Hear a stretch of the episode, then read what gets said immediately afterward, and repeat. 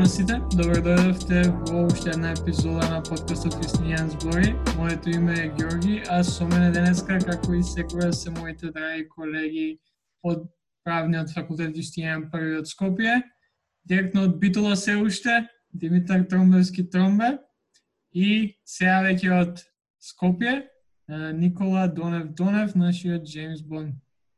Како сме колеги? Лично, супер. Одлично, со, со испитни и со сите работи. А, се спремате за испитни? Секако. Уште не, ама за брзо. Иначе тимат, тимат ќе ни иде за Скопје, така што можно и уживо да снимаме следна епизода, ама за тоа... Да, да. Со, со почитување на официјално in vivo Ако се договориме подкаст на Јустинијан збор. Почитување на протоколи. Па, се, нормално. Па се работи со дистанца, со сетото. Да, да не должиме многу, ја викам. А, планиравме епизода, не, ние десета јубилејна редовна епизода, ама доста работи ни се десија, па така ќе оставиме епизодата кај што ќе збориме што до сега се случило и како какви се нашите некои а, какви се нашите некои погледи кон, кон оно што до сега сме направиле. Јас сакам денеска да збориме за оно што се случува во Соединетите Американски држави. Е, имено, као што веќе сите знаеме, претходната недела доста работи се десија во САД, во голем број на градови, независно од коронавирусот. Па така сега снимаме вторник сме, преточно еке 6 дена од а, која ние го снимаме овој подкаст, едно видео излезе кое го заобиколи целиот свет. Во него 46 годишниот Джордж Флойд, афроамериканец од Минеаполис, беше загушен до смрт од полицаец додека неговите партнери беа сведоци на убиството. Па од тука ја пред да навлеземе во дискусијата за видеото, што следуваше после тоа и што се се одвиваше во претходните 6-7 дена. Верувам дека и тројцата сме огледале видеото. А, ваш коментар на, на, на самото видео? Видеото е прегрозно, значи. За тој, за тие што немаат видено е како еден човек лежи, е уапсен од полицајците, како еден полицајец со коленото му седи на вратот. И буквално 8-9 минути му седи на вратот и на крај да го да го гуши. Ама тоа само се виде со, со снимката од таа страна. Од другата страна се гледаше како уште тројца джандари го држат истиот човек што е уствари уапсен.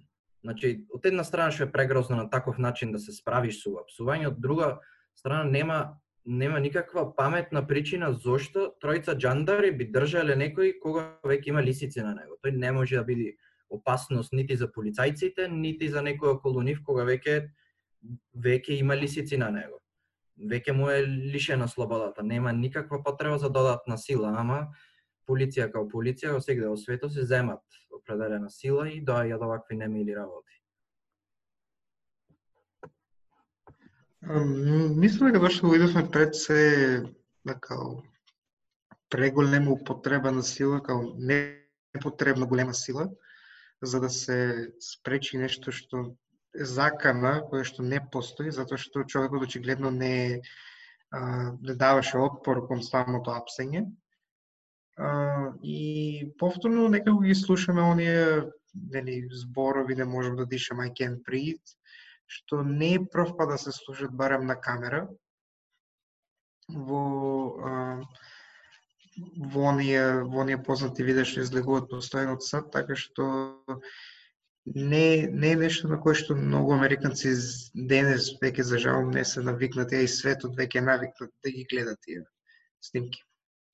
Да, баш, баш за ова сакав да зборам и ќе се надоврзам на ова што рече ти последно Никола, а, дека за жал ова не а, не е ново а, за за сите они кои следиме што се случува во Америка и за самите американци.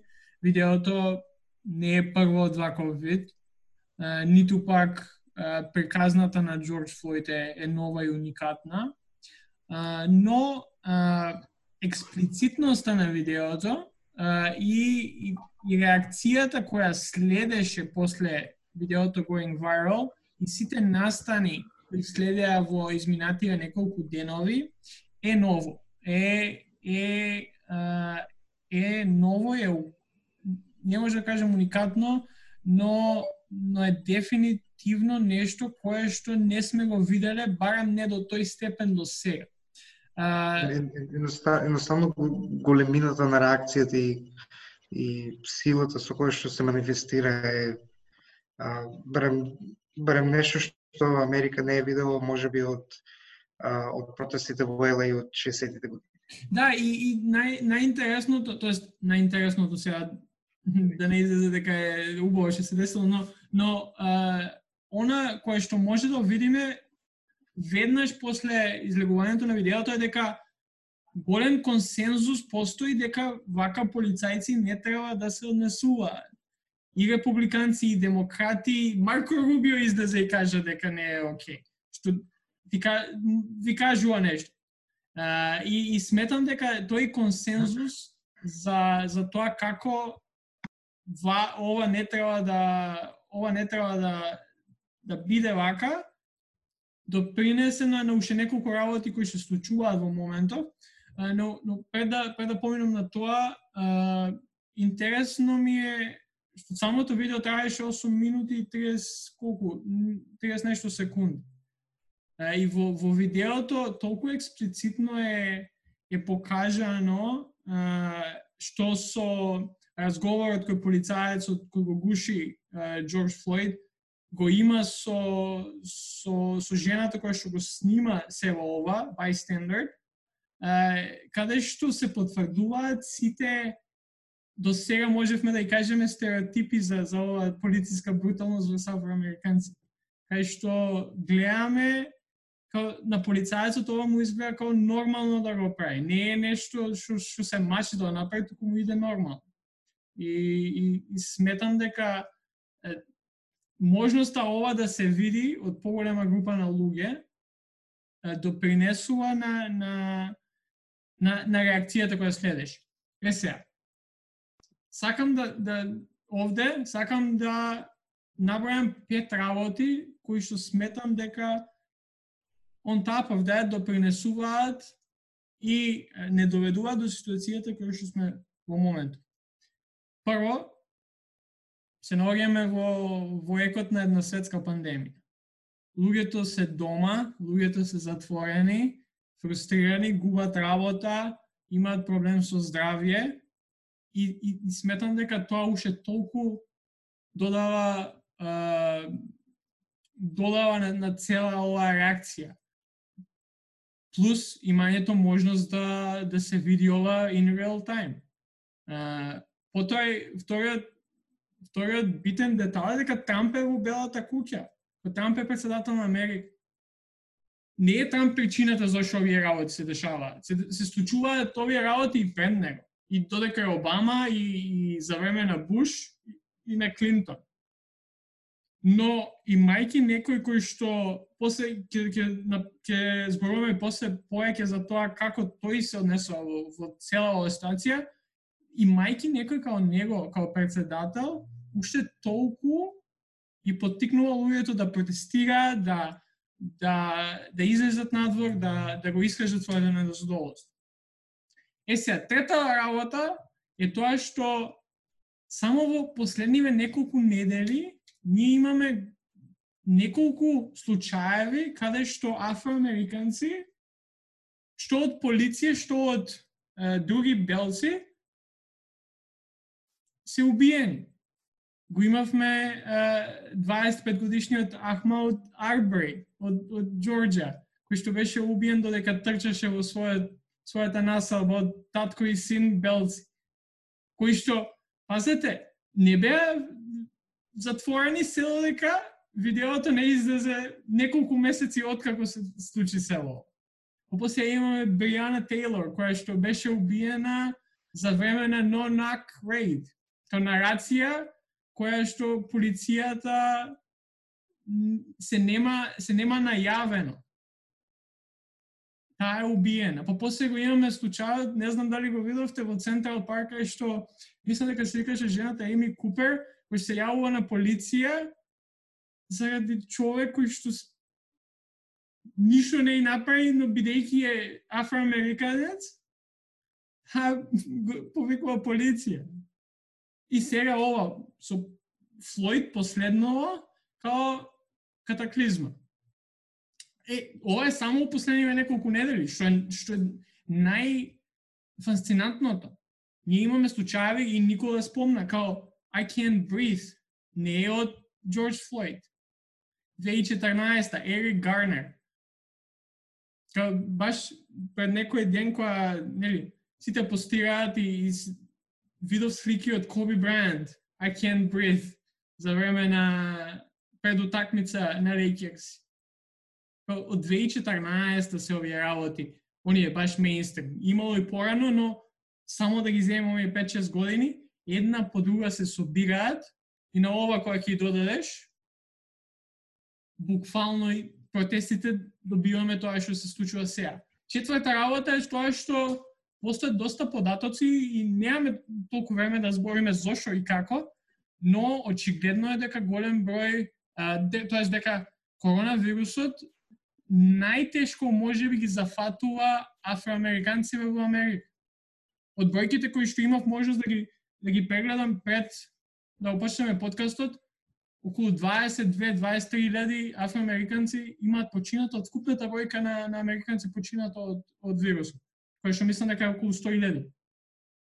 И последното, и може би као најнебитно во моментов е дека се наоѓаме во, во изборна сезона, као изборна година е. И сето тоа, мислам дека влијаеше да дојдеме во ситуација кај што најпрво од, Минес, э, од Минеаполис, а после и протестиве да се прошират, што peaceful, што riots и лутинг, э, тоест грабежи, да се прошират на секаде низ Америка.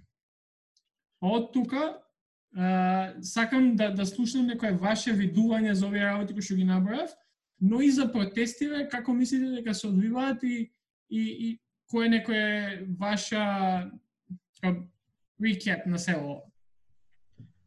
Мислам, че чисто да, да ги надополнам точките, мислам дека е вредно да се спомне дека уникатност на историскиот момент е тоа дека имаме снимки од буквално се што се случило најразлични агли. А, и тоа е дополнително важно, особено за нели што се легитимирање на што се случува, затоа што во преходните години а, се мислам во главно беше базирано на а, на на искази. Или евентуално ако сами полицајец носи нели оние боди камера кои што треба да ги носат и така натаму, но но мислам дека процесите сами по себе се израз на на целата на цел тоа еден систем кој што е создаден во во рамки на САД, кој што очигледно не ги заштитува а, одредена група на луѓе. Не затоа што не може, туку затоа што така е создаден. А, и иако иако нели насилството само по себе не е, не е оправдано. Нели, а, мислам дека беше внукот на Мартин Лутер Кинг кој што каже дека нели не го оправдува насилството, но го разбира.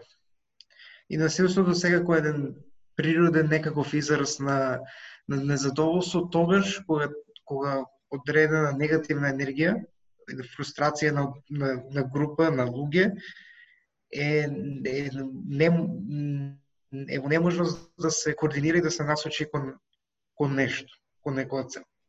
И насилство раѓа насилство. Нормално исто така а, фактот што имаме проби на насилство затоа што самиот систем изграден врз насилство.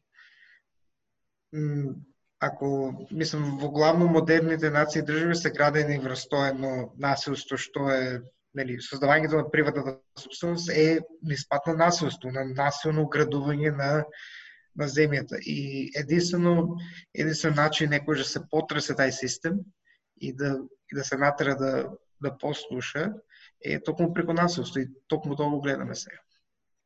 Да. да Спомна ти Ѓоле жената во Централ Парк. Интересно за тоа е дека упорно таа збораше дека ќе те пријавам како афроамериканец, дека афроамериканец мене ме напад. Значи се гледа тука дека има некои расни расни причини зошто така би изреагирала, али не и се. Тоа е тоа е многу многу помал проблем за разлика од ова што се прави сега со Џорџ Флойд, мислам мислам грозно е во најмала рака. И разбирливи се протестите и толку насилни протести, пошто насобрано е едно голем период на нас на полициска бруталност кон определена група на луѓе, а и самата ситуација со коронавирусот доведува до некоја поголема нервоза кај луѓето, затоа што 40 скоро 40 милиони луѓе остана без работа, сигурно не се не му е се едно на, на тие луѓе. И сето тоа се извра и избувна во вакви протести кои што избувнаа. Но ви би го спомнал тука би го спомнал Корнел Уест што даде на изјава во CNN и одлично ги објасна тие работи како се одвиват и дури чудно како CNN дозволи толку слободно да се изразува некој против естаблишмента и така натаму. Едно нешто што кажа дека Америка е failed social experiment. И стварно е. И една друга работа што кажа дека во одсуство на во одсуство на демократска револуција, единствен во, демо, во одсуство на демократска револуција за да се променат некои работи, единствен единствен резултат од та од тој неуспех е да има вакви насилни протести. Како би можело на друг начин да си ја изјаснат својата незадоволство, кога упорно се избираат а, на високи позиции луѓе кои што апсолутно ништо не прават. Друго што кажа, не е- многу луѓе го користат како аргументо, ај во ред се расните односи во Америка, пошто Обама бил црнец и сме го имале првиот црнец председател, апсолутно ништо не значи. Black Lives Matter movement започна во времето на, Барак Обама. Едни од најпознатите случаеви на полициска бруталност против црнци се токму во времето на Барак Обама и настрано тоа што сиромаштијата се зголеми кај црнците така, буквално состојбата на црнците во Америка не се промени, дури се влоши во времето на Барак Обама. И Корнел Вест као причина тоа кажува што одбират луѓе кои што самиот момент кој ќе стапат на функција, веќе ја губат таа идеологија на борење за нешто.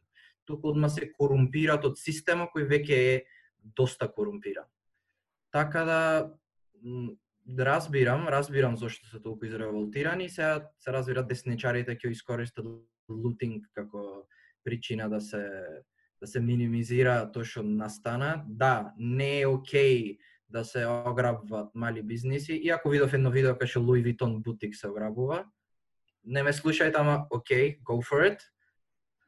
Али излезе исто така друго видео кај што еден црнец му се запали бизнисот тие протести и вика да ме шо правите? Ало, не, мислам нема смисла. Само Да, ама во на само, афект, само го може. видеото што беше спојлувано тоа е од 92 година за време на на рајец во Лос Анџелес. Да, ама како како и да е, пак се дешаваат такви работи. Многу многу сличности има на овој рајат со тој рајат во 90 само овој што е многу помасивен. На секаде низ Америка има. И И исто така спомна и за короната, што многу ги опфаќа црнците и тоа е сериозен проблем и тоа го опфаќа еден, јас би рекол, класен проблем.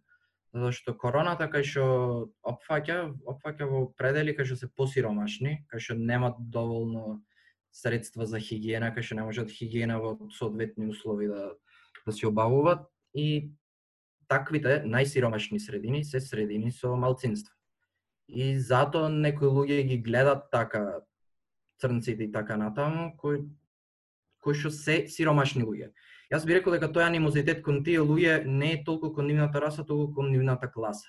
Сигурно нема така полицаец да се понаша како што се понашаше ако е некој црнец во топ 100 најбогати луѓе во Америка. Многу е тоа во Америка многу е битен тој класен проблем што го имат и тој анимозитет кон сиромашните и тој менталитет што го имат и размислување дека си сиромашен, дека не си се потрудил доволно. И тоа треба, мислам дека најголемите проблеми кои ги имат во Америка треба да почнат од таму. од кревање на сиромашната класа на по-висока класа и на подобар стандард на живот и од ставот кој што го имат поголемиот број на луѓето кон таа класа дека не е дека се мрзливи или дека од субјективни причини се на тоа место, туку има некои сериозни системски проблеми кои ги оневозможува да се качат на скалилото. Да, и, и ја генерално се согласам, освен малце со ова последно, а, има, не знам колку следите, ама има случаи кај што и по повеќе од average African Americans биле застанувани од полиција, претресувани, врз нив има а, полицајци имаат употребено по поголема сила од колку што е потребно, така што не е само најнискиот слој на афроамериканци која станува збор за политичка бруталност. За, за останатото тотално се согласувам поготово за делот со коронавирусот, но не знам колку имавте шанса да гледате Тревор Ноа, која збореше пред некој ден баш за за за цела ситуација со Флойд, со протестите и се што се случува. И и сакам да малце да го резимирам тоа он што го кажа баш за протестите Пред тоа сакам само да се надоврзам дека едноставно кога имаш таков консензус дека она што го видовме на видеото не е како што треба, тоа значи дека кога ќе излезат луѓе на протести, ќе имаш луѓе од секаков вид. Ќе имаш а, не знам, оние кои што сакаат мировен пат да идат, оние што сакаат да да да грабаат Луи Витон или било што и ќе имаш и лево, и десно, и центар, секакви бидејќи така започ, така започна оваа цела ситуација. Од тука не сум уопште изненаден за, за до која екстрема се дојде со протестите, но надоврзувајќи се на што Тревор Ноа збореше, и тој збори за, за обществениот договор. Тој, тој збори, кажува дека а, што е едно общество? Тоа ти обше се многу, кај што го подпишуваме и се согласуваме на некои заеднички цели, правила, идеали. И тој обшесен договор значи дека, оке, ние нема сега да одиме да грабуваме Луи Витон или Таргет или не знам што, бидејќи знаеме дека тоа не е оке. Но, што се случува кога тој обштествен договор е прекршен од оние кои што не натеруваат да го подпишеме или ги натеруваат афроамериканците да го подпишат и се во позиции на мок. Што се случува кога токму тие преку вакви некои ситуации на политичка бруталност, но и на, на многу редови работи, систематски работи, не го почитуваат тој обштествен договор. И, и афроамериканците преку зборовите сега на Тревор Ноа, uh, time and time again, гледаат како овој договор не е почитуван од страната која ги натерува да го подпишат. Па така он прашува као what good does it do to go and uh, loot target? Ама после го постави другото прашање what good doesn't it do to go and loot target? Као кога веќе тој со обштествен договор е прекршен, што мене ме спречува или што него го спречува као афроамериканец, да не оде и да го ограби таргет. Као обштествениот договор е прекршен. Па така, а, само да завршам, као обштествен, овој договор не постои во, во обштество каде што луѓето во, во МОК едноставно не се придржуваат до него. Па така, било какви протести се прифатливи и заслужува да постојат. Бидејќи тие што треба да се грижат за овој општествен договор да функционира и сите да живееме среќно и, и убаво, не се придржуваат до тоа. Добро, може би оно што за барем ние како направиме факултет, оно што учиме, нели, општествениот договор као не него изрично подпишуваме, туку едноставно постои како еден вид мета договор, кај што нели формираме заедница, односно повеќе е замислена заедница, затоа што така то, то, тоа е основата на на нации на нациите држави, а тоа е замислената заедница и и устари на се секоја политичка заедница е само по себе замислена заедница imagined communities но оно што нели насилното прекршување на тај договор, на обшествениот договор, е прв чекор во нели оно што се вика реди, негово редефинирање.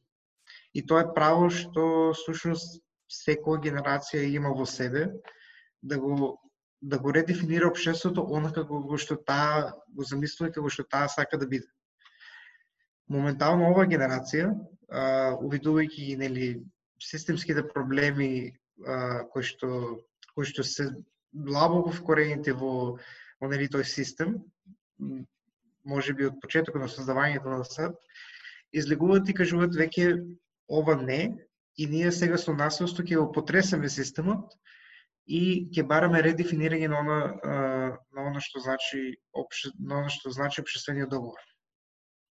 Нормално тоа најверојатно ќе се манифестира преку некои законски одредби, што е било најдеално, но исто така мора да се манифестира и во самиот однос на луѓето кон а, кон нели материјата што се редефинира. А, пона, понатаму, можеби има и друг проблем кој што а, кој што се појавува, а тоа е правилниот начин на протестирање. А, реалноста е, тоа е за мене малце, малце оксиморонско, да се поведува некој правилен начин на протестирање, од причина што протестот сам по себе е, а, е негирање на она што е што системот го прифаќа. Тоа е функцијата на протестот, да, да го негира самиот систем. И затоа кога нели а, кога имаше случаи на протести, дали тие се мирни или не, а, нели, многу луѓе нарекува дека ова не е правилниот начин на протестирање. И ќе кажуваат, например, одите, гласајте или подпишувајте петиции, но оно што со тоа кажуваат е дури дури можеме мислам дека статусот на Обама беше во оваа насока, а тоа дека нели за измени треба одите гласајте, партиципирајте, но оно што сушо се кажува во тоа, е партиципирајте онака како што системот сака да го правите тоа. Моментот, моментот кога ви излезете од тие рамки, на некои системски поставени граници, тогаш вие протестирате. И затоа, и затоа не може да се кажува дека постои правилен начин на, на протестирање. Ние може да дебатираме околу, околу, на, околу моделите на протестирање, нели, насилни протести против ненасилни, дали тие да бидат а, директна акција или некако да се заземат позиции, такви некои работи. Да, го кажа, баш топ кажа за правилниот или неправилниот начин на протестирање. Многу луѓе би рекле дека правилен начин на протестирање излези и гласај. Што во глобала од времето би се согласил апсолутно, ама во случај на Америка за кој би гласал? За кој би гласале што би го сменал системот. Тој чист пример го дадоа со Бил де Блазио, градоначалникот на Нью Йорк. Негова као најголема најбитен дел од програмата му беше да го реформира, да ја реформира полицијата, пошто нели полицијата во Америка е под градоите и општините, ама ништо не направи. И сега кога има отсуство од реформа од страна на тие што ги избирате, каде одиме со изборите? Значи, остануваат некои други методи како да се решат определени проблеми, оти очигледно демократскиот начин не му работи. Очигледно упорно избират луѓе кои што само си си зборат, што сакат да си зборат, колку да ги изберат и кои ќе дојдат се скроз друга приказна нисам ја одавде. Зато скроз ги разбирам за, за радикалноста на начина, пошто мора на таков некој птен радикален начин да тие проблеми да излезат на виделина, дека не може во овој момент како што е во Америка со овие кандидати што ги има, со овие политичари што ги има, не можат да се решат тие работи преку преку демократски начини, туку мора да ги поттикнат некои луѓе што веќе се на власт да почнат да се понашат како возрастни луѓе, некако дечишта, некои што се фатени за некоја пара или за каков и да било интерес да имат. Може би само две забелешки на ова. А, а тоа е прво, нели, се согласувам во насоката на милитаризација на полицијата. И всушност тоа не се случува само во Америка, дури има некои елементи кај нас овде, а тоа е дека нели она многу често она опрема што војската не искористува се префрла во полицијата што што барем во моја некоја концепција треба да представува нели оно што е јавна служба. Оно што е наистина потребно демилитаризација на полицијата, нели да се не, не на полиција да и треба тенкови. И нормално нели промена на реформирање на самата таа структура на на, на полицијата и втората и многу поважна забелешка е фактот што може би вакви протести, како што ги гледаме сега, се добри за да се изнесат на видели на сите можни прашања и да се отворат сите можни дебати, но доколку нема систематско движење кое што ќе се создаде после ова и него насочи, или не ја насочи таа енергија кон решавање на проблемот или не ја насочи кон одредена цел, овие протести ќе поминат и а, и оно што ќе биде како backlash ќе биде многу пострашно од колку самиот протест. И ќе и ќе влијае многу лошо врз врз тамошните заедници. Само само нешто да, да додам. Да, во право си треба да има движење, ама кој видиме веќе имате едно такво движење. А, има има веќе такво движење, ете го движењето на Берни Сендер, што стварно е големо и стварно се бори против овие работи директно. Ама што тоа движење? Големо движење, има го прифаќа народот, ама џабе кога народот го прифаќа, кога самите елити не го прифаќат и го гледат како опасност. То сигурно и после овие протести ќе има некој движење што ќе биде што ќе биде големо, што ќе има влијание големо, ама се додека елитите што ја водат Америка има толкова муки како што имат сега да можат да одлучат кој движење ќе биде релевантно за носење на закони и носење на политики, џабе ќе има движење кога самата елита е проблем. Не е проблем немањето или имањето на, на движење. Проблем е ставот на елитите кон тие движења и обструкцијата на тие движења да можат да менат нешто во општеството. Да, и ја начелно кога кога замислував епизодата, сакав прво со Трампа, после Обама да идеме, ама чим почнавме веќе го начнавме Обама и неговата изјава, сакав да се задржиме повеќе на ова. А, се согласувам Никола со тебе и дел со тоа што Диман си го кажа. А, најпрво, Бил де Бласио не е единствен кој што беше, знаеш, трчаше на, на таква платформа за реформација на полис форс во неговиот град. Исто а, во Минеаполис се деси истото, па гледаме што се деси. Сметам дека не може еден човек да смени многу работи кога станува збор за полиција полиција, зборавме, Никола ти спомна, милитаризацијата на полицијата е многу поголема од само, не знам, Бил де Бласио ќе дојде и ќе реформира цела цела полиција во, во Нью Йорк. Не може. Не знам дали видовте нај онака фасцинантен податок што го сретна дека Керка му на Бил де Бласио беше уапсе на овој протест. То еден човек не може ова да, да, да, да, го, да, го, да го промени. И, и баш сега читам некои податоци, нема сите да ги а, кажам, ама си, проблемот не е а, политиската бруталност во моментот. Проблемот е систематскиот а, систематската историја на, на, на политиската бруталност. Ма, ма, са, са, самата манифестација на бруталност е систематска. Едноставно, тие луѓе кои што одат за полицајци се така тренирани они се на некој начин индоктринирани во преку нели вежбите и преку сето она што го поминуваат за да станат полицајци. Едноставно тоа е. Додуше некои би аргументирали дека програмите порано не биле такви, биле насочени повеќе кон деескалација на на ситуацијата, на конфликтна ситуација. Но сега што но сега имаме преголема употреба на сила. Да, и, е и И, како резултат на тоа, како резултат на тоа, имаме адвокаси група од Америка, Mapping Police Violence, кај што кое што вели дека од 2014 до 2019 99% од police killings uh, did not result in officers even being charged let alone convicted of a crime. Така што ако го имаме тоа што го збориме сега дека стварно постои систематско систематски проблем на police brutality, овие полицајци уште толку име имаат ветер ветер во грб за тоа да оправат, пошто знаат дека нема консеквенци. И самото тоа што Никола ти спомна дека сега уствари може да видиме што се случува, дава некоја надежда како ќе се деси, ама да сметам, као што и двајцата рековте, дека организација е многу битна и не верам дека еден човек, поготово не во град као Нью Йорк, може нешто да направи.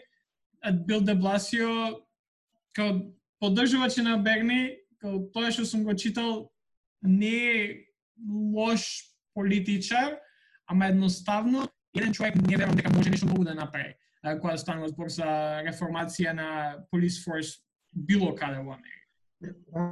Она, она што она што е потребно во поглед на организација е е одредување е одредување на конкретни цели. Сушто тоа беше едно од слабостите на на Occupy Wall Street движењето кој што го видовме во 2008. А тоа е дека едноставно а, пре, пре, прешироко поставени цели на крају никаде не, не доведуваат. Но, кога целите се адекватно поставени, има доволно подршка и ако тоа е организирано, нели, не, да се во Rights Movement, Мартин Лутер Кинг. Мартин Лутер Кинг не е, мислам, он е еден човек како маскота на движењето, но позади тоа се цели комисии и одбори кои што кои што работеле за организација дали на бойкоти, дали на протести, дали на нели на оние седен спознати, едноставно тоа е потребно. А, мислам, секој може да излезе и да говори, но мора некој кој што ќе работи за сцената и ќе организира се тоа.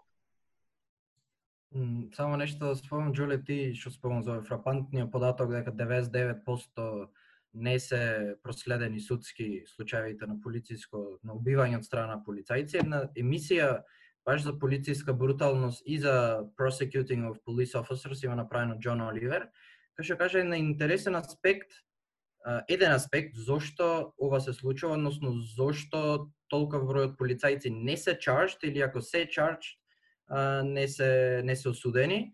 Тоа каже дека кога кога некој ќе го тужат, односно кривична пријава против него и сите процеси што се идат, најчесто се случува види во истата општина каде што тој служел.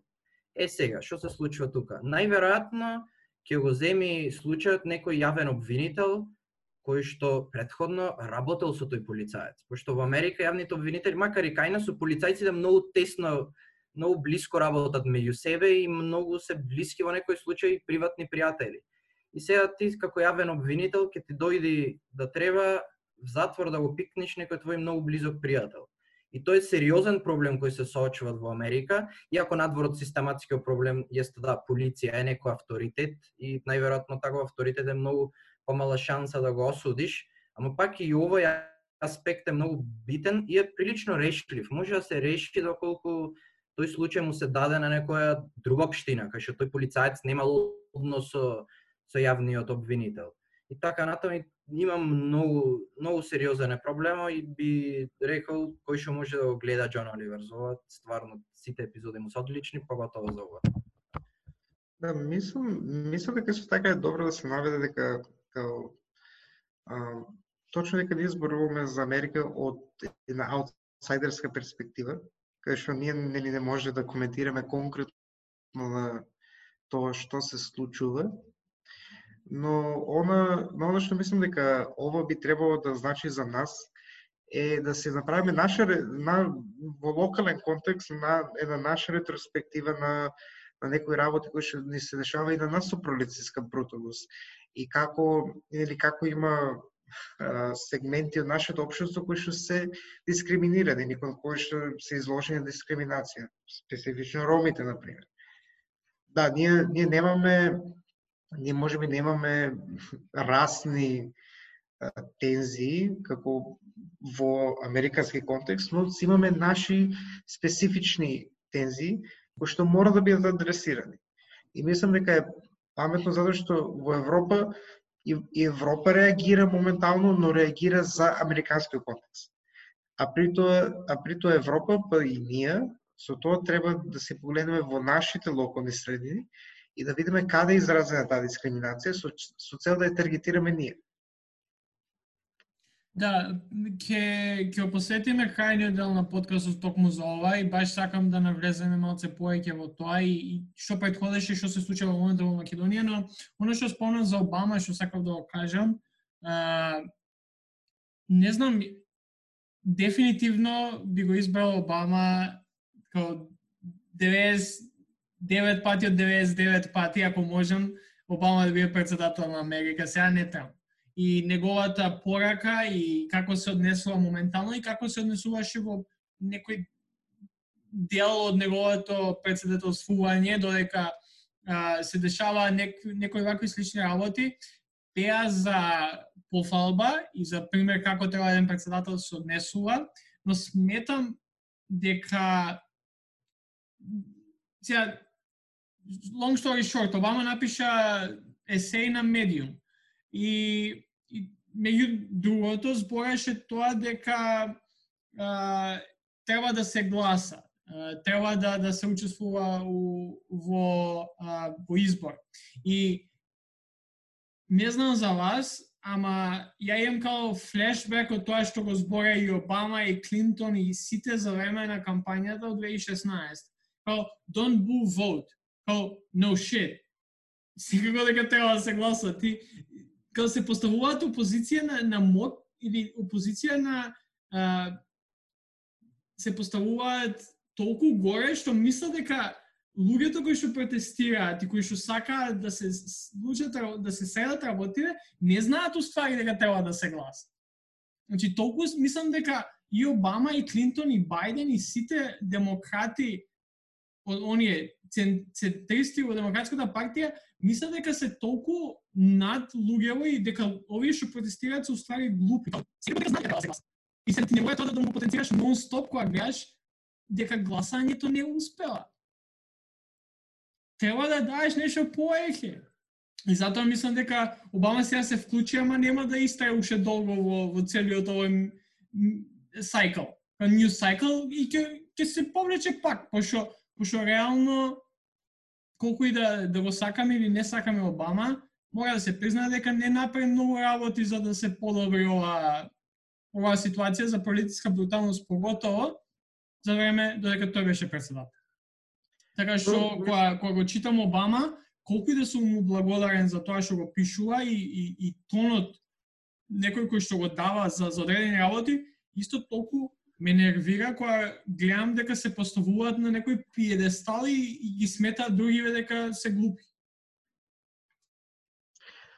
мислам, мислам дека малце концептот е поширок, односно во последните неколку децени, тоа што гледаме не само во Америка, туку во глобала, во демократскиот свет, е дека се повеќе не се оде на некои потребни радикални промени, системски промени, туку се одат некои а, ин, инкрементални промени. Малку овде, малку овде, ќе се смени обучен овде, ова институција малце ќе се заекне, но никако радикални промени. Зошто? Затоа што а, затоа што нели прават а, го потресуваат пазарот, одма паѓа берзата, а, инвеститорите се исплашат затоа што се промени, но од аспект на, на COVID-19, да овде би го уфрлил, е дека дознаваме дека сушност државата е способна да направи радикални промени. И при тоа да зачува, да зачува во, нели, во одреден дел, од, од стабилност. Што значи радикални промени се можни, само е потребна, само е потребна експертизата и и е потребен модусо преку кој да се изведе. Нели, не е, мора мора еден лидер да знае кои луѓе да ги избере за да го напишат законот. Не е доволно не е доволно само ајде ќе собереме некои рандом луѓе и ќе пишуваме закон за високо образование, пример. Него тоа мора да биде длабоко истражено, мора да бидат консултирани сите засегнати и и, и нормално а, треба, треба, треба политичка волја. Мора некој политичар да биде свесен а, за дека ќе изгуби политички поени и без разлика колку ќе изгуби, дека тоа сепак го прави за јавниот интерес. Да, и тоа е тоа е она што мислам дека а, на демократија очајно им фали и, и зошто а, и зошто ја нема таа подршка која што би требале да имаат, поготово на време на Трамп. И овде а, би дал некој таймлайн за, за самата реакција на Трамп. Бидејќи реално ние може колку и да, да не сме задоволни од тоа како Џо Бајден се однесува во село ова или Обама со неговите некои коментари, кондесентни коментари, а, сепак она што Трамп го прави, буквално од почеток па се до денеска, покажува дека човекот нема воопшто никаков морален компас, покажува дека не знае што прави и дека уствари не ќе ова да прави. Као ова да, Знаеш, кога се пријави да биде кандидат на републиканци, не мислам дека сметаше дека вакво нешто со вакво нешто ќе мора да се справи. Но а, не се, значи се започна со него а, како а, мислам четврток вечерта а, го пушти оној славен твит кој што Твитер му го обележи, му стави као астерикс дека inside violence, ама па може да се види uh, као when the looting starts, the shooting starts. И баш ова гледав, uh, ова уствари ваква некоја изјава има давано во 60-тите години. Од Джордж Уолас, не знам колку го знаете, гувернерот во Алабама, расистичкиот гувернер, демократски расистички гувернер у Обама го има исто ова кажан. И, и плюс нормално во, во овие неколку твитови ги нарече сите протестанти такс. Е сега, ако гледаме како ги нарече вооружените у Мичиген пред 3-4 недели, they're very good people. А они шо, зашо се бунија дека не може да, да на фризер или да си лакираат ногти. И, и, и тоа ти дава каков однос Трамп има спрем цела оваа ситуација, ама ај не и се, следниот ден закажува пресконференција, сите мислат дека ќе збори за ова, а, оно ствари што прави и мислам дека ова е најнезабележено у цела оваа ситуација, Трамп одлучува да прекине фан за World Health Organization, за Светската здравствена организација во петок. Што е дефинитивно голем удар за, за цела ситуација со коронавирусот. Ама никој не збори за ова, бидејќи заборавивме дека ова се деси. Мислам дека распаѓањето на мултилатералните институции се тема за за посебен подкаст. Дефинитивно. Ама, ама интересно е што што се случува во, во, во цела оваа збрканица, се случува и ова. И, и на истата пресконференција Трамп воопшто не дозволува а, до, да добие никакви прашања за било што си кажува што има и после излева. После ова, нели, се случуваат и протести пред Белата куќа, кај што Трамп сега веќе славно го внесла бункерот на Белата куќа и од таму си твиташе. А, и, и дефинитивно прво нели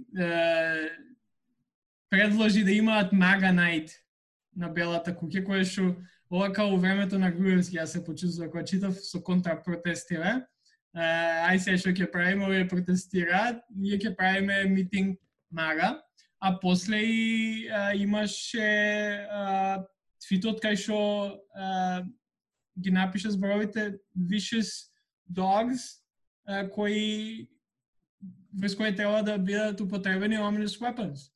И, и самиот language, јазик кој што го користи е проблематичен, ама и самото тоа што го кажува, било како да го каже, е проблематично. За на крај да добиеме, пред, мислам дека ова вчера Сабалево се деси, кај што имавме, не знам дали го слушнавте, имаш Трамп имал конференцијски повик со неколку градоначалници од повеќе сојузни држави во Америка, што ги нарекува weak и дека треба да користат little force врз протестанти демонстраторите, Нико. за на крај, со Бајлео да се разбудиме, со там као држи Библија, за да направи фотоап од 5 минути и да си се врати у бункерот у Белата куќа. За кој што фотоап, полицијата употребува а, сила да ги растера демонстраторите пред Белата куќа. И не знам колку а и да, за Антифа тоа што го напиша дека е терористичка организација и тоа го направи. Така што Trump has gotten off the rails, тоа го знаевме уште од порано, сега само се потврдува и мислам дека уопште не не помага оваквата ситуација, но да напоменам, Трамп не е кривиот и не е виновникот зошто се дешаваат ваквите работи. Не, не е кривиот точно, ама тој ги влошува веќе влошените ситуации. Со такви изјави како што дава, when the looting starts, the shooting starts. Мислам, нема, нема резон човек така да се понаша председател во 2020 година. И плюс тоа начинот на како реагира за крадење наспрема начинот на како реагира за убиство на еден невин човек. Значи се гледа дека него очигледно побитно му е приватната собственост на некој од колку нечи живот.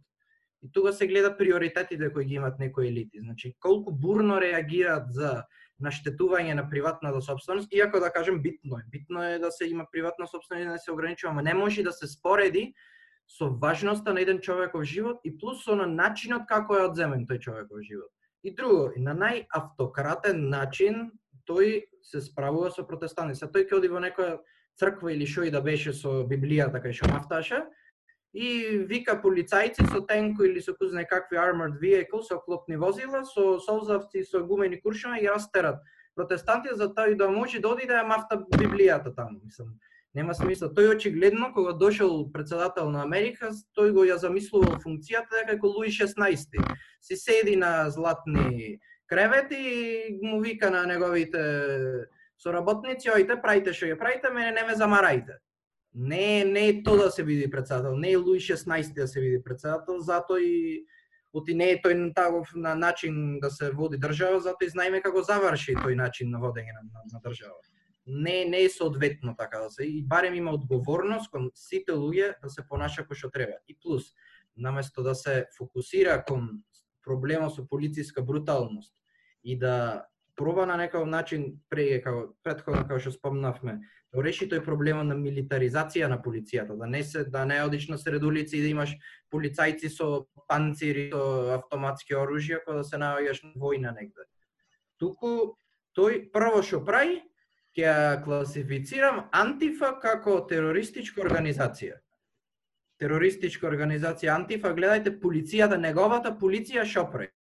Со панцири, со автоматски оружја, што тепа луѓе, што убива луѓе, таа полиција не е терористичка организација, ама организација да што искрши а, и украде Луи Витон бутик, таа е терористичка организација. Нема апсолутно никаква смисла. Само, може би само како да на забелешка, после сакам да се навратам малку на, на, на, на самата манифестација на насилството. А тоа е дека, мислам, антифа како како такво, значи антифашистичко или антифашист, и не и не организација, концепт Ко, ко, концепт израснат израснат во во периодот кога се појавува фашизмот како филозофија. И нели понатаму во Италија и во Германија. И во останати делови на светот, нормално. А, така што е беззначено, тој сушност не не декларира организација за терористичка за терористичка организација, туку декларира еден цел концепт. Декларира идеја, што е што е малку загрижувачки, затоа што Ако, а... ако може да се вклучам само Никола, не не мислам дека е загрижувачки, проблемот е што он мислам дека не знае дека Антифа не е организација. На, на стран, не, на, на страна тоа. Загрижувачка затоа што почнува се заканува со забранување на идеи. Забранувањето на идеи само по себе води кон, кон ограничување на, а, на говор и на, и на дејство. Самата манифестација на насилството од едната и другата страна предизвикува само едно нешто, а тоа е дехуманизација на двете страни. Моментално ни, ние на ние на страна не се гледа како човек. А, Мартин Лутер Кинг има еден доста убав есеј напишано The Ethical Demands for Integration и таму кажува дека всушност за дека нај, дека според него најефективно најефективен метод е, се, е, не, е ненасилна акција, ненасилно протестирање. Зошто? Затоа што затоа што ненасилството само по себе е морално многу повисоко отколку насилството. И кога нели кога човек, кога нели човекот врз кој што се врши опресија застанува ненасилно пред оној кој што му врши опресија, тој сушност морално на еден начин е повоздигнат и може да сами себе да се декларира како човек без потреба да биде признаен од неговиот опресор како човек. И то и тогаш се прекршува таа диалектика на на господар и да господари роб. Затоа што робот во овој случај се издигнува на повисоко морално ниво, затоа што не затоа што не предизвикува а, не предизвикува насилство врз другиот. Понатаму, всушност, тоа е дисциплината, а не насилство, гради морална стабилност и всушност предизвикува хуманизација на двете страни. А, кога ти ќе опомнеш другиот како човек, тогаш евентуално по самото по самата рационалност на луѓето ќе дојде нели ненасилен си, што значи дека нема причина јас зашто да потребно насилство против тебе. И затоа и затоа ненасилството е важно во тој контекст на хуманизација на двете страни, затоа што кога и двете страни се гледаат како луѓе, тогаш може да се пристапи кон правилни реформи. Да, и баш а, не сакам повеќе време да му даваме на Трамп, иако ќе мора да спомнеме и до крајот. со ова последно Никола што го збориш, сакам да се надоврзам со еден случај од 2016 година. А, не знам колку го знаете, а, Колин Каперник. Каперник е сега веќе може да се каже и поранешен фудбалер во американски фудбал, кој што во 2016 година одлучува додека игра за Сан Франциско 49ers, за време на пеењето, интонирањето на, на националната химна пред секоја утакмица во, во националната фудбална ли, фудбалска лига НФЛ, да не стои као сите, туку најпрвен да седи на клупата.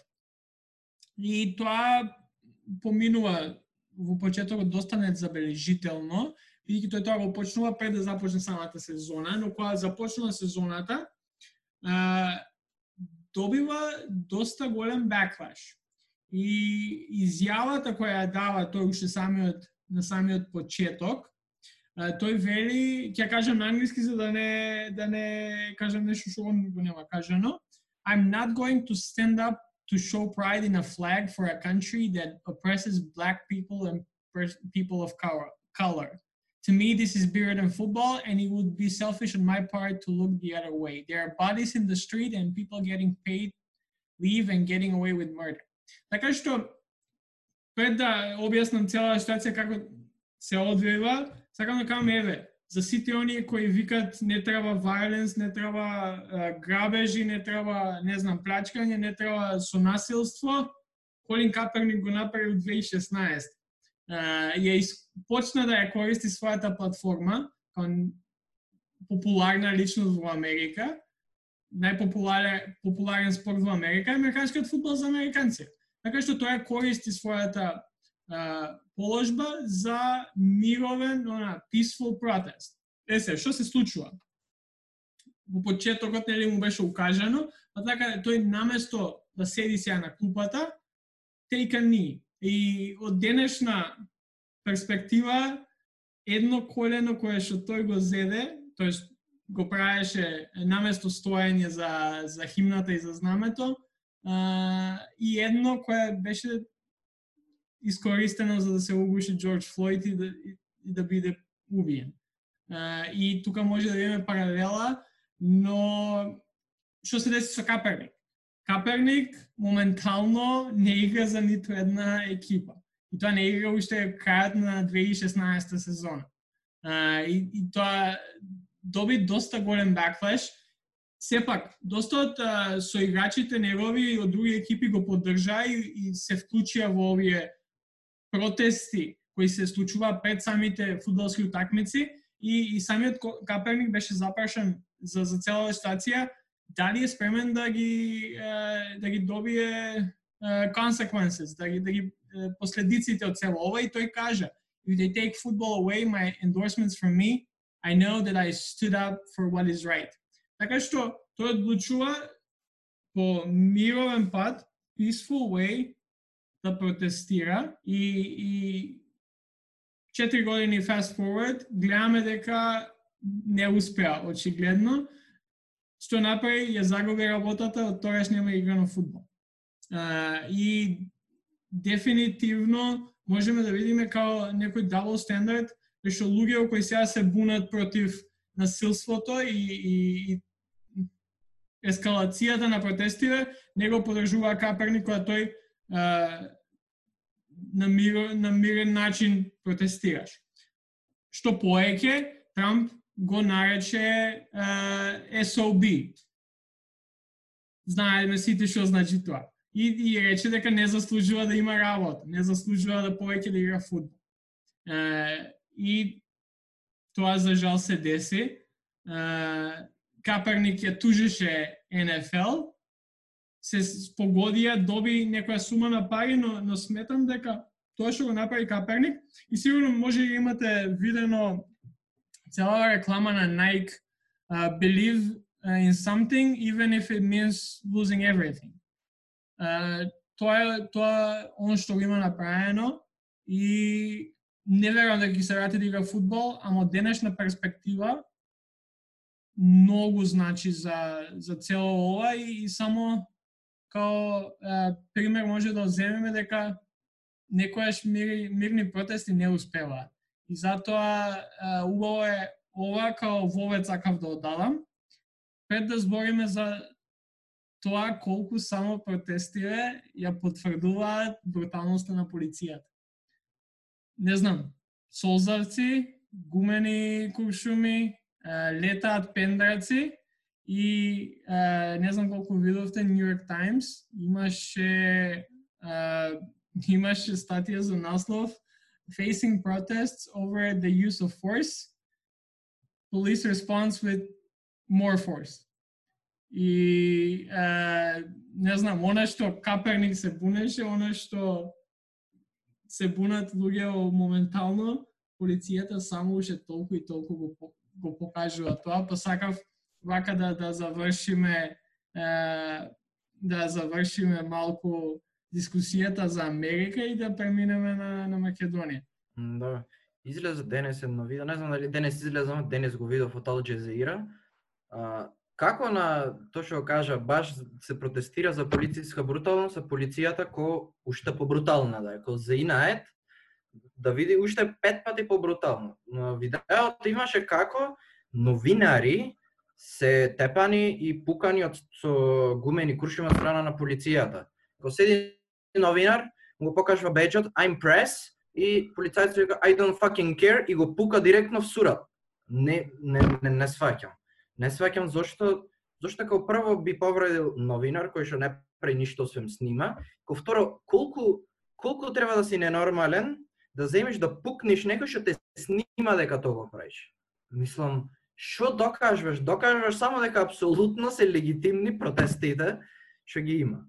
Не знам дали го имате видено видеото на CNN, кај што 8 до 10 минути мислам дека видеото и кај, кај што буквално може да се види дека а, целата група на CNN, ама не знам како се викаше Омер или нешто така, а, репортерот кој што на најдобар можен начин се однесува со полицајцот и се се обидува да му угоди као ако треба ќе се тргнеме, кажете ни, значи буквално со тие зборови, кажете ни кај да идеме, ќе идеме после неколку минути гледаш you're all under arrest.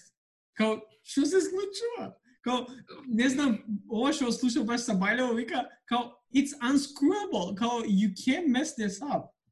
као гледаш дека си на национална телевизија, на кабелска телевизија, CNN, гледаш CNN секаде да пишува и ти, не знам со кој памет, уште толку им даваш на, на тие што протестираат против тебе муниција. Кон нема логика, кон луѓе ништо не му направи, ово вика, you're under arrest. You can't, you can't screw this up, као буквално нема, не знам, ја ние сега да сме полицајци, ќе ќе му кажеш кај треба да иде и готово. Гледаш дека луѓе ништо не ти прават, пошто не може нешто да ти прават на лайв се на, на CNN цела нација го гледа. И тоа, тоа е само, не знам зошто е така, ама е фасцинантно да се гледа колку само полицајци ствари потврдуваат тоа зашо демонстраторите протестираат. Добро, сега мислам дека доста зборевме, ја колку што сега може да видам, може и скоро сад време сме поминале на, на цела ситуација што се случуваше во Америка. Може уште толку да зборуваме, дефинитивно има доста аспекти кои што не ги опфативме, а и за доста аспекти не сметам дека го имаме потребното знаење и искуство да може да зборуваме на тие работи. И е еден од аспектите кои што не го напоменавме уште на почетокот, ама мислам дека треба да се напомене кога да веќе завршуваме приказната е дека ние не може да зборуваме како е на некој афроамериканец да живее во Америка. И па така сметам дека самото тоа што ние ќе земеме сега да се постои, поистоветуваме со нив е погрешно и затоа не сакавме да го направиме, затоа ги опфативме и погледавме на низ, низ призмата на на некои од работите за кои што зборувавме, кои што сметам дека имаме до, доста добро знаење и гледаме што се случува, па можевме да зборуваме. Но за нешто за кое што секако може да зборуваме, тоа е ситуацијата со политичка бруталност во Македонија. Кој што, као што на крајот од разговорот за Америка напоменавме, на секаде. Ја има и во Америка, ја има и во Европа, ја има и во Македонија, па така сакав да започнеме тука, нема да, да идеме многу обширно, но да, да, да ја завршиме оваа епизода со полициска бруталност во Македонија, конкретно случајот Мартин Нешковски и што тој случај, слично како и со сега со случајот со Джордж Флойд, предизвикува кај нас. Мислам, мислам дека Мартин Нешковски беше на уникатна ситуација, каде што и кај нас мислам се случуваш и дефинитивно може да се каже дека си и понатаму и се случува некаква милитаризација на и на нашата полиција дури. А, така што јас бил загрежен со оглед на тоа нели какви какви работи има, но Мартин Ешковски беше еден катализатор кој што кој што бруталноста која што беше изразена во него, всушност тој а, нели, како како дел од од тогашен како празничен собир по после избори за победата на а, за победата на на избори, што излова и на крај никош не се враќа дома, а, затоа што тој е де факто убиен. Нели има некои делови кои што се уште не знаеме до крај, од причина што многу судски процеси се одложени кај нас, не, никој не може да ги следи што се случува. Но тоа беше еден, еден вид катализатор на некако едно домино ефект кој што се случи во, во тој период и политичка бруталност и останатите протести кои што евентуално комбинира со шарена револуција, вклучително овде овде го имаш моментот каде што пред тоа се случуваше студентскиот пленум и сите тие и сите тие тоа беше а, тоа беше моментот кога кога тогашниот систем опресивен знаеше дека нема нема да обстоеше ново. Затоа што моментот кога имаш ти консензуалност меѓу луѓето дека овој систем треба да се смени, тогаш евентуално прашање на време кога ќе падне. Мислам и на крајот секако дека падна, затоа што тогаш имавме избори во 2016 нели после сите тие перипети со технички влади и со сите тие работи, кои што сега ги имаме, но поради различни причини. А, и, и кај нас е присутно тоа така што треба да се треба и ние да, ми, да внимаваме колку слушност нашата полиција е милитаризирана и во иднина кога ќе имаме протести, треба да особено да пазиме на тие моменти, затоа што се клучни за чувување на демократијата и нели спречување на или такви некои гнили авторитарни системи да вршат опресија врз луѓето. Едно нешто што се покажа со Мартин Нешковски е дека како полицијата е прва во фронтовската линија на одбрана на авторитарен режим. Од една страна што го што го уби детето, катастрофа значи невидена, пражално. Од друга страна, колку што памтам, поправите ме ако грешам, оти сепак одамна беше, долг период се чекаше за одговор од Министерството за што се случило, како се случило, па да не правиме мовет за да има судски процес против човекот. Значи предолго се чекаше, после имаше протест, ако добро се сеќавам излегоа бомбите, и од кој излезе бомбата за Мартин Нешковски имаше уште посериозен протест, од и колку што памтам, министер, тогашната министерка Гордана Енкуловска, каже со овие зборови да не можеш во ова држава едно убиство да скриеш. Мислам. Добро, Шо... тогаш се испреплетува неколку моменти, да. Да се испреплетува, ама то министер да го кажи е најмала рака несериозно. И целата несериозност како се справија и плюс тоа да се подсетиме не не застанува тука полициската бруталност. Полициска бруталност Ако добро се сеќавате при протестот, при протестите на студенти или шарена револуција кој да беа, кај што влегоја полиција во читалната браќа Миладиновци. Влегоја полицајци со штито и со не знам каде кој да влегуваат во етиштето на Алкаеда. А тоа уствари студенти си седат и најголемо оружје му е со книгата интерна медицина толкава му фрлат по главата. Мислам, нем, нема смисла на таков начин да да влегуваш. И полициска брода има уште многу други примери, како на пример има едно видео што популарно битол од еден ром, кај што објаснува како му се понашаја во полициска станица. И со овие зборови вика, бе во станица и кој влези мани, кој влези мани и очигледно се гледа дека на него има а, дека тој е повреден со, со синаици. И, и се некои примери кои што ги има кај нас, ама не, не, не застанва се тука.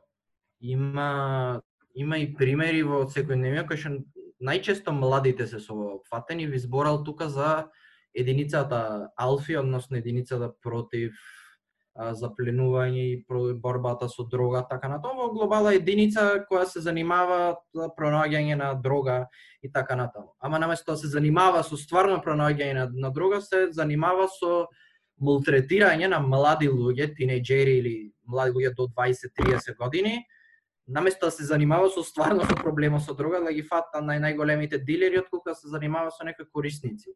Што се дешава? Јас ова не сум го искусувал, чисто ќе зборам од искуство што други луѓе мене ми го кажале, се дешава да си шеташ рандом низ парко и да ти дојдат двајца мажи, два на два огромни, и ти викат претрес. И не можеш не да му речеш, ако му речеш не, ќе ти степат. И се дешава често а, тие полицајци кои што најчесто се во цивилки да ги да да истепат млади деца.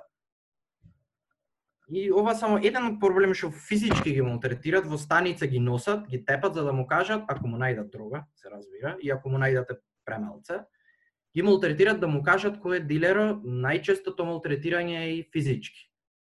За ова, барем јас неам видено во јавност да се збора, неам видено некој новинар за ова да кажи, ама познавам барем 10 луѓе кои што имале сериозно негативно искуство токму со овие со, со алфите. И еден друг проблем тука иди настрана од физичката бруталност што има полицајците. Туку и флагрантното непочитување на правата кои ги имат граѓаните во однос на полиција граѓани, во однос на претрес и определените права кои ги имат граѓаните при претрес, пошто не е претресо туку така дојде полицаец и му текнало, ај ќе те претресам и така оти него му текнало дека сака да те претреси дека има право да те претреси, не. Нема право, имаме значи право и правило кои што најчесто, скоро најчесто, скоро секогаш не се почитуваат. Би сакал да, да кажем определени права кои ги имат граѓаните во овој случај, затоа што најчест дел од луѓето ќе му дојде некој полицајц, ќе му рече ајде претрес и луѓето не знаејќи си своите права ќе речат ајде претресиме. А треба сите да бидат информирани за своите права и затоа ви кажал дека од очигледното ова може поќе го знат дека треба да се има налог за претрес. А, за да се има налог за претрес е голема процедура, треба да го подпиши а, треба да подпиши судија и доколку некој му даде налог за претрес и со налогот претрес ви дојди да ви каже дека треба да претреси, обавезно видите дали е подпишан од судија и рокот да го видите. Затоа што валидноста на а, дозволата за претрес или налогот за претрес е 15 дена. То треба да се види. Друга работа, може да се снима претресот, ама треба да се информира полицајцот дека се снима претресот. Има определени случаи кога може без налог да се претреси, но во тој случај треба а, полицајецот да има основа на соме дека вршите некој кривично дело. Во контекст на на алфите, што би значило тоа, значи ако ве види кај што кај што користите нешто што не треба да користите. Не е само ако си шетате по улица и ве претреси, не може така. Значи треба да ве види, да има основано сомнение дека вие нешто дека вие нешто правите. Исто така за претрес, а, не може да ве претресат скроз, значи не може во интимните делови да ви гледат. Иако има такви примери кај што фул комплетно голи ги слекват луѓето, не смеат, мора тоа медицинско лице да го направи. И друга работа која денес ја дознав, претресот треба да биде дење, не ноќе. Најчесто јас што сум чул е дека овие протести, овие а, претреси се во ниедно време. Значи мора да бидат дење, освен може во ноќе ако има некоја можност за одложување или криење на докази и така натаму. Да не трубам многу со ова, ќе кажам да си го погледнат тие што сакат да се заинтересираат за нивните права кои ги имат, да го разгледат законот за кривична постапка. За претерес на лица се збора во членот 185, и продолжува до, само да видам, да не има забуни, до 197. Да. 197 заклучно со предмети што не можат да бидат одземени. Ова е убаво да си ја прочитат сите, поготово млади луѓе, затоа што голем дел од млади луѓе се подложни на овај начин на полициска бруталност, што за жал не се не, не се збора доволно во јавност. Ја сакав малце само да немаме многу што да додадам, но сакав да се надоврзам на како уствари ние дознавме за, за целиот случај со Мартин Нечковски. и многу наликува на како дознавме сега за Джордж Флойд, како дознавме за uh, Армад Арбрей во, во Джорджија. Кај нив беше со видео, кај нас преку бомбите. И, и може да видиме истичност помеѓу конкретно помеѓу случаја на Флойд и Нешковски. Кај што веднаш после видеото почнуваат прво протести во Минеаполис, а после низ цела држава, кај нас, веднаш после бомбата со Мартин Нешковски, се иде на протести, се, се има инциденти а, кои, за кои што знаеме што се случија, но, но тие некои работи која мислам дека народот има можност да види и да слушне што уствари се случува и која ген, као не може по не може по експлицитно да биде. Не можеме едно убиство да скриеме. Во случајот кај нас со, со Енкуловска. Така што нема, нема као, е, чекај, бе, ова може извадено од контекст, или не знаеме што зборе претходно или не знаеме што се десува Тоа е. Тие, таа една реченица ти кажува све, и мислам дека тоа е е, доста доста битно да се напомене, поготово како овие протести започнува, бидејќи ние, не знам, сигурно имало вакви некои случаи за жал за кои никогаш нема да дознаеме што се десиле пред не знам 15, 20, 30 години. Е, сигурно има милион случаи низ Америка што ние никогаш нема да знаеме за полициската бруталност во афроамериканци и другите малцински групи. Ама овие некои овие некои неколку случаи за кои што дознаваме, сметам дека и протести дека е нас кои кои се случија и сега што се случува, случуваат во Америка се многу добра работа. е сега, на, од нас зависи како ќе искористиме протести. Е, не можеме да бидеме најзадоволни од се тоа што се случува после протести и промената на власта и на, на овие неколку години а, пост а, дознавањето за Мартин Нешковски што што уствари се случило но може, мислам да се согласиме дека работава колку толку е, е подобра од претходно. А, и, и, и тука би се навратил на оно што Никола го спомна, преска дека е потребна организација. Потребно е, е потребно е сите да си ги засукаме ракавите и да направиме нешто. Ние не може многу да им помогнеме на американци во моментов, ама сметам дека имаме уште шанса да да помогнеме со оно што ни се случува во државата, дали тоа ќе биде со полициска бруталност или ќе биде со, не знам, почитување на, на правото и законите и тие што треба да идат у затвор или повторно да излеземе на протести, можеме уште да помогнеме и не сметам дека е се загубено, но а, што сакам да кажам е дека убаво што дознавме барем за овие случаи, бидејќи кој знае колку случаи има за кои што никогаш нема да знаеме. Па добро, колеги, ако немаме што повеќе да додадеме за ситуацијата тука, мислам дека може да превршиме епизодата. Зборувавме доста, нема да имаме гости во оваа епизода, бидејќи сакавме да се посветиме целосно на, на случувањето од минатата недела. За во недела инаку имаме спремно интервју со а, мои драги а, поранешни колеги, сега веќе многу добри пријатели, а, така што очекувајте интересна епизода на англиски, наша втора.